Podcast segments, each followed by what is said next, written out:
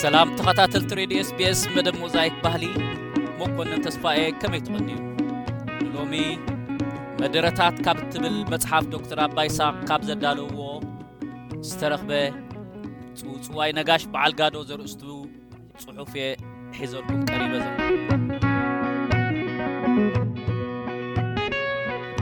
ጽውጽዋይ ነጋሽ በዓል ጋዶ ጸሓፊ ዶክተር ኣባ ይስቅ ገብረ የሱስ ካብ መጽሓፍ መደረታት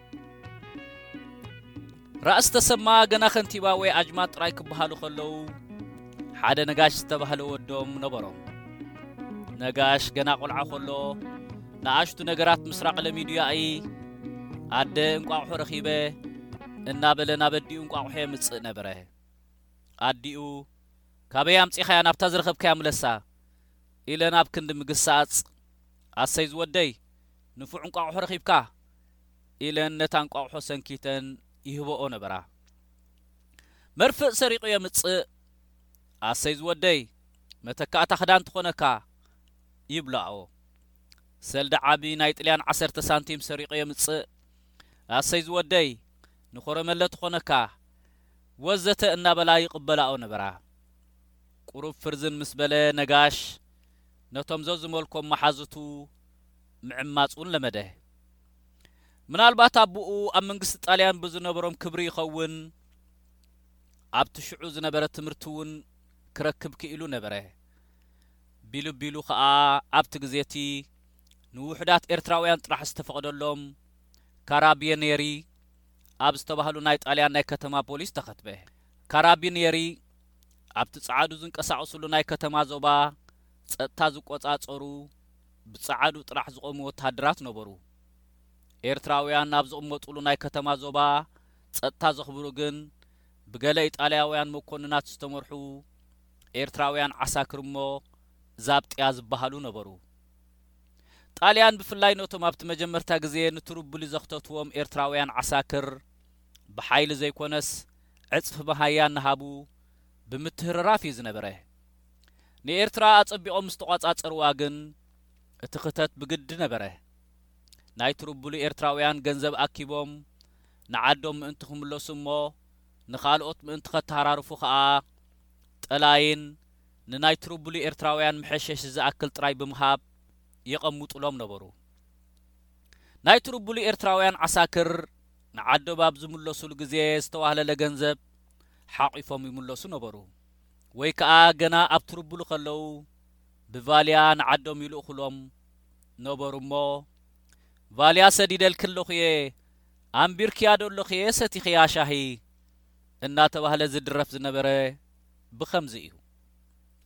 ኣብቲ ግዜ'ቲ ነጋሽ ካራቢኔሪ ኮይኑ ኣብ ከተማ ኣስመራ ዝደልዮ እናገበረ ፋዕ ይብል ነበረ። ብዙሕ ምሕሻሽን ዝሮትን ስለ ዘዘውትር ከኣ፣ መዕበዲ ኣይክእሎን ነበረ።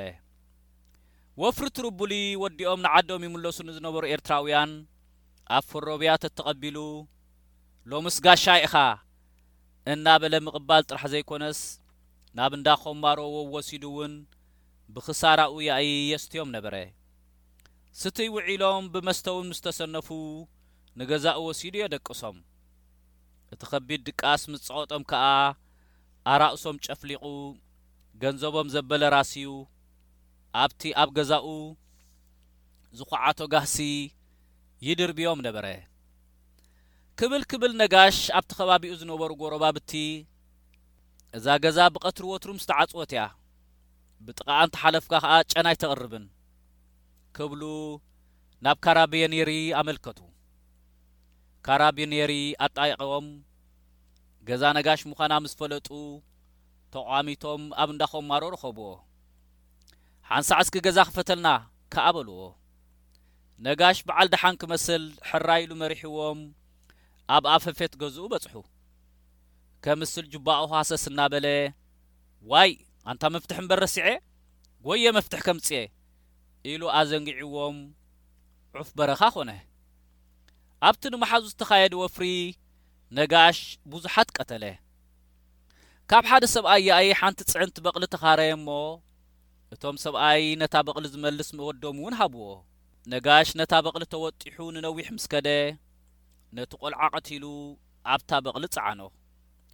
ኣብቲ ኮረሻ ናይታ በቕሊ ከኣ ነጋሽ ቀቲልዎ ኢሉ ያኢ ጸሓፈ። ነጋሽ ክብል ክብል ብህይወቱ ተታሕዘ። መንግስቲ ጥልያን ነጅማት ተሰማ፣ እሂ እንታይ እዩ ምሳልካ ኢሎም ምስ ሓተቱዎም፣ ኣጅማት ተሰማ ካባይ ውጹ እዩ ብምባል ያኢ ካብ ርእሶም ኣውረዱ። ነጋሽ ንማሕነቕቲ ተፈርደ። ኣብ ኣደባባይ ማሕነቕቲ ምስ በጽሐ፣ ህዝቢውን ምስ ተኣከበ ግን ነጋሽ ኣደይ ጸውዑለይ በለ። ኣደ ነጋሽ ተጸዊዐን መጻ። ሽዑ ነጋሽ ኣብቲ ዝሕነቐሉ በሪኽ ቦታ ኮይኑ ነዲኡ ከምዚ በለን፣ እቲ እንቋቑሖ፣ ሰልዲ ዓቢ፣ ሰልዲ ንእሽቶ ወዘተ ሰሰሪቐ ከምጽኣልኪ ከለኹ፣ ኣብ ክንዲ ምቕባል ቀጺዕክኒ እንተ ትኾኒ፣ ኣብዚ ኩሉይ ምበጻሕኩን። ክብል ያኢ ገሰጸን ኣብ ቅድሚ ህዝቢ። ድሕሪዚ ናብ ሓንቲ ርግቢት ኩሉ ሓጥያቱ ተናዘዘ'ሞ፣ ነታ መሕነቒቱ መሸንቆቛ ያኢ ባዕሉ ናብ ርእሱ ኣእተዋ። ነጋሽ ዝቐተሎም። ኣብ ኩሉ ኩሎም ክሳዕ ሰብ ዓቢሎም ዝኾኑ ነበሩሞ ነጋሽ በዓል ጋዶ ነጋሽ በዓል ጋዶ ሰብዓ ቀቲልካስ ከይረሸኑኻዶ ተባሂሉ ተደርፈ እዚኣ እንተዘከርኩም ገዓት ጠስሚ ትዘክርኩም እዚኣ እንተረሳዕኩም ሞት ትረስዓኩም ታሪኽ ነጋሽ በዓል ጋዶ ቆርበት ብሩሑሱ ቆልዓ ብንኡሱ ምስ ዝብል ምስላ ተሰንዩ እናተነግረ ንኹሎም ወለድን መማህራንን ኣብ ምዕባይ ቆልዑ ዘለዎም ሓላፍነት ምእንቲ ምዝኽኻር ተደጋጊሙ ይንገር ነበረ። ካብ ጽውጽዋይ ወጻኢ ዝኾነ ሓቀኛ ዝተመርመረ ታሪኽ ነጋሽ ግን ከምዚ ዝስዕብ እዩ። ነጋሽ ብ ሽሕን ትሽዓተ ሚእትን ሸሞንተን ተወልደ። ብ ሽሕን ትሽዓተ ሚእትን ዕስራን ወዲ ዓሰርተ ክልተ ዓመት ቆልዓ ከሎ ኣብ ሙስዮን ቅዱስ ሚካኤል ሰገነይቲ ክመሃር ንረኽቦ። ክሳዕ ሽሕን ትሽዓተ ሚእትን ዕስራን ሓሙሽተን ክሳዕ ራብዓይ ክፍሊ ተማህረ። ኣብቲ ግዜ እቲ ንደቂ ሓበሻ ካብኡ ንላዕሊ ትምህርቲ ይፍቀድ ኣይነበረን። ንሱ እውን ንውሑዳት ጥራይ ነበረ። ወለዱ እምበኣር ወዶም ናብ ኩትልክና ምእንቲ ከይኣትዎም ቀልጢፎም ካብቲ ምስዮን ኣውጽእዎ። ብዛዕባ እዚ ኣባ ጂያን ዶመኒኮ ዳ ሚላኖ ዝበሃሉ መምህሩ ንነጋሽ ጽሑፍ ገዲፎም ኣለዉ ጽማቑ እንሆ። ነጋሽ ናይ ምስኣል ብኢድ ካሜራ ስፍየትን ዝንባለ ነይርዎ። እዚ ጥበባት እዚ ከኣ ሰኒቑ ነበረ። ካብ ምስዮን ምውጽኡ ሕጉስ ኣይነበረን። ሽዑ ንሽዑ ተዓስኪሩ ከኣ ንሊብያ ወረደ። ኣብ ሊብያ ሰለስተ ዓመት ጸንሐ። ንኢጣልያ ክኸይድ ሃረርታ'ኳ እተነበሮ ኣይኮነሉን። ኣብ ሊብያ ብዘይካ'ቲ ስሩዕ መሃይኡ፣ ብስእልን ስፍየትን ውን ሓያሎ ገንዘብ ኣከበ። ኣውራ ኣውራ ፍቕሪ ገንዘብ ዝሓደሮ ከኣ ኣብዚ ግዜ'ዚ ነበረ። ነጋሽ ካብ ሊብያ ተመሊሱ ናብ ገበነይና ህይወት ውን ክኣቱ ከሎ፣ ዓሊ ስዒድ፣ ሃይለ በዛብህ ዝበሃሉ መዓብድቱ ነበርዎ። ነጋሽን ዓልን ንሞት። ሃይለ ከኣ ንሰላሳ ዓመት ማእሰርቲ ኣብ ዓሰብ ተፈርዱ። ዝተፈርዱሉ ዕለት ብዓሰርተ ሽዱሽተ ሓምለ ሽሕን ትሽዓተ ሚእትን ሰላሳን ሰለስተን ነበረ። ነጋሽ ተፈሪዱ ክሳብ ዝሕነቐሉ ኣብ ዝነበረ እዋናት ወዮም ናይ ቅድም መምህሩ ዝነበሩ ካፑችንያዊ ኣባ ጂያን ዶሚኒኮ ዳሚላኖ ኣጋጣሚ ናይ ቤት ማእሰርቲ ኣበነብሲ ማለት ካፐላኖ ኮይኖም ይሰርሑ ነበሩ። ኣብ ባጂያን ዶመኒኮ ነዊሕ ዝወሰደ ምርድዳእ ምስ ነጋሽ ገበሩ። ኣብ መጠረሽታ ነጋሽ ብኹሉ ዘሕለፎ ህይወት ፍጹም ተጣዒሱ፣ ተናሲሑ፣ ናብ ኩትልክና ኣትዩ፣ ምስጢራት ተቐቢሉ ንሞት ብትብዓትን ብትሕትናን ተጸበያ። ቅድሚ ማሕነቕቱ ሓደ ብዕስራን ሸሞንተን ገጽ ዝቖመ መዘክር ኣዳለወ። ናብ ወላዲኡ ኣጅማት ተሰማ ከኣ እዛ ትስዕብ ደብዳበ ብቋንቋ ጣልያን ጸሓፈ። ኩቡር ኣቦ፣ ከም ውሉድ መጠን ከም ዝበደልኩ ስለ ዝፈልጥ ብዓቢ ኣኽብሮት ምሕረት እሓትት። ኣነ ኩፉእን ንኹሉ ከኣ ደይ መደይ ኢለ ዝፈጸምኩዎን መሲሉኩም ኣይትጉሃዩ። ኩሉ ኣምላኽ ዝፈቐዶ እዩ። ደጊም ከኣ ኣብ መጠረሽታ ምዕራፍ በጺሕና ኢና። እቲ ዝኾነ ኮይኑ ስለ ዝኾነ ንዝሓለፈ ኣይትዘክሩ ንዝመጽእ እምበር። ንዝሓለፈ ምሕሳብ ኣየድልን።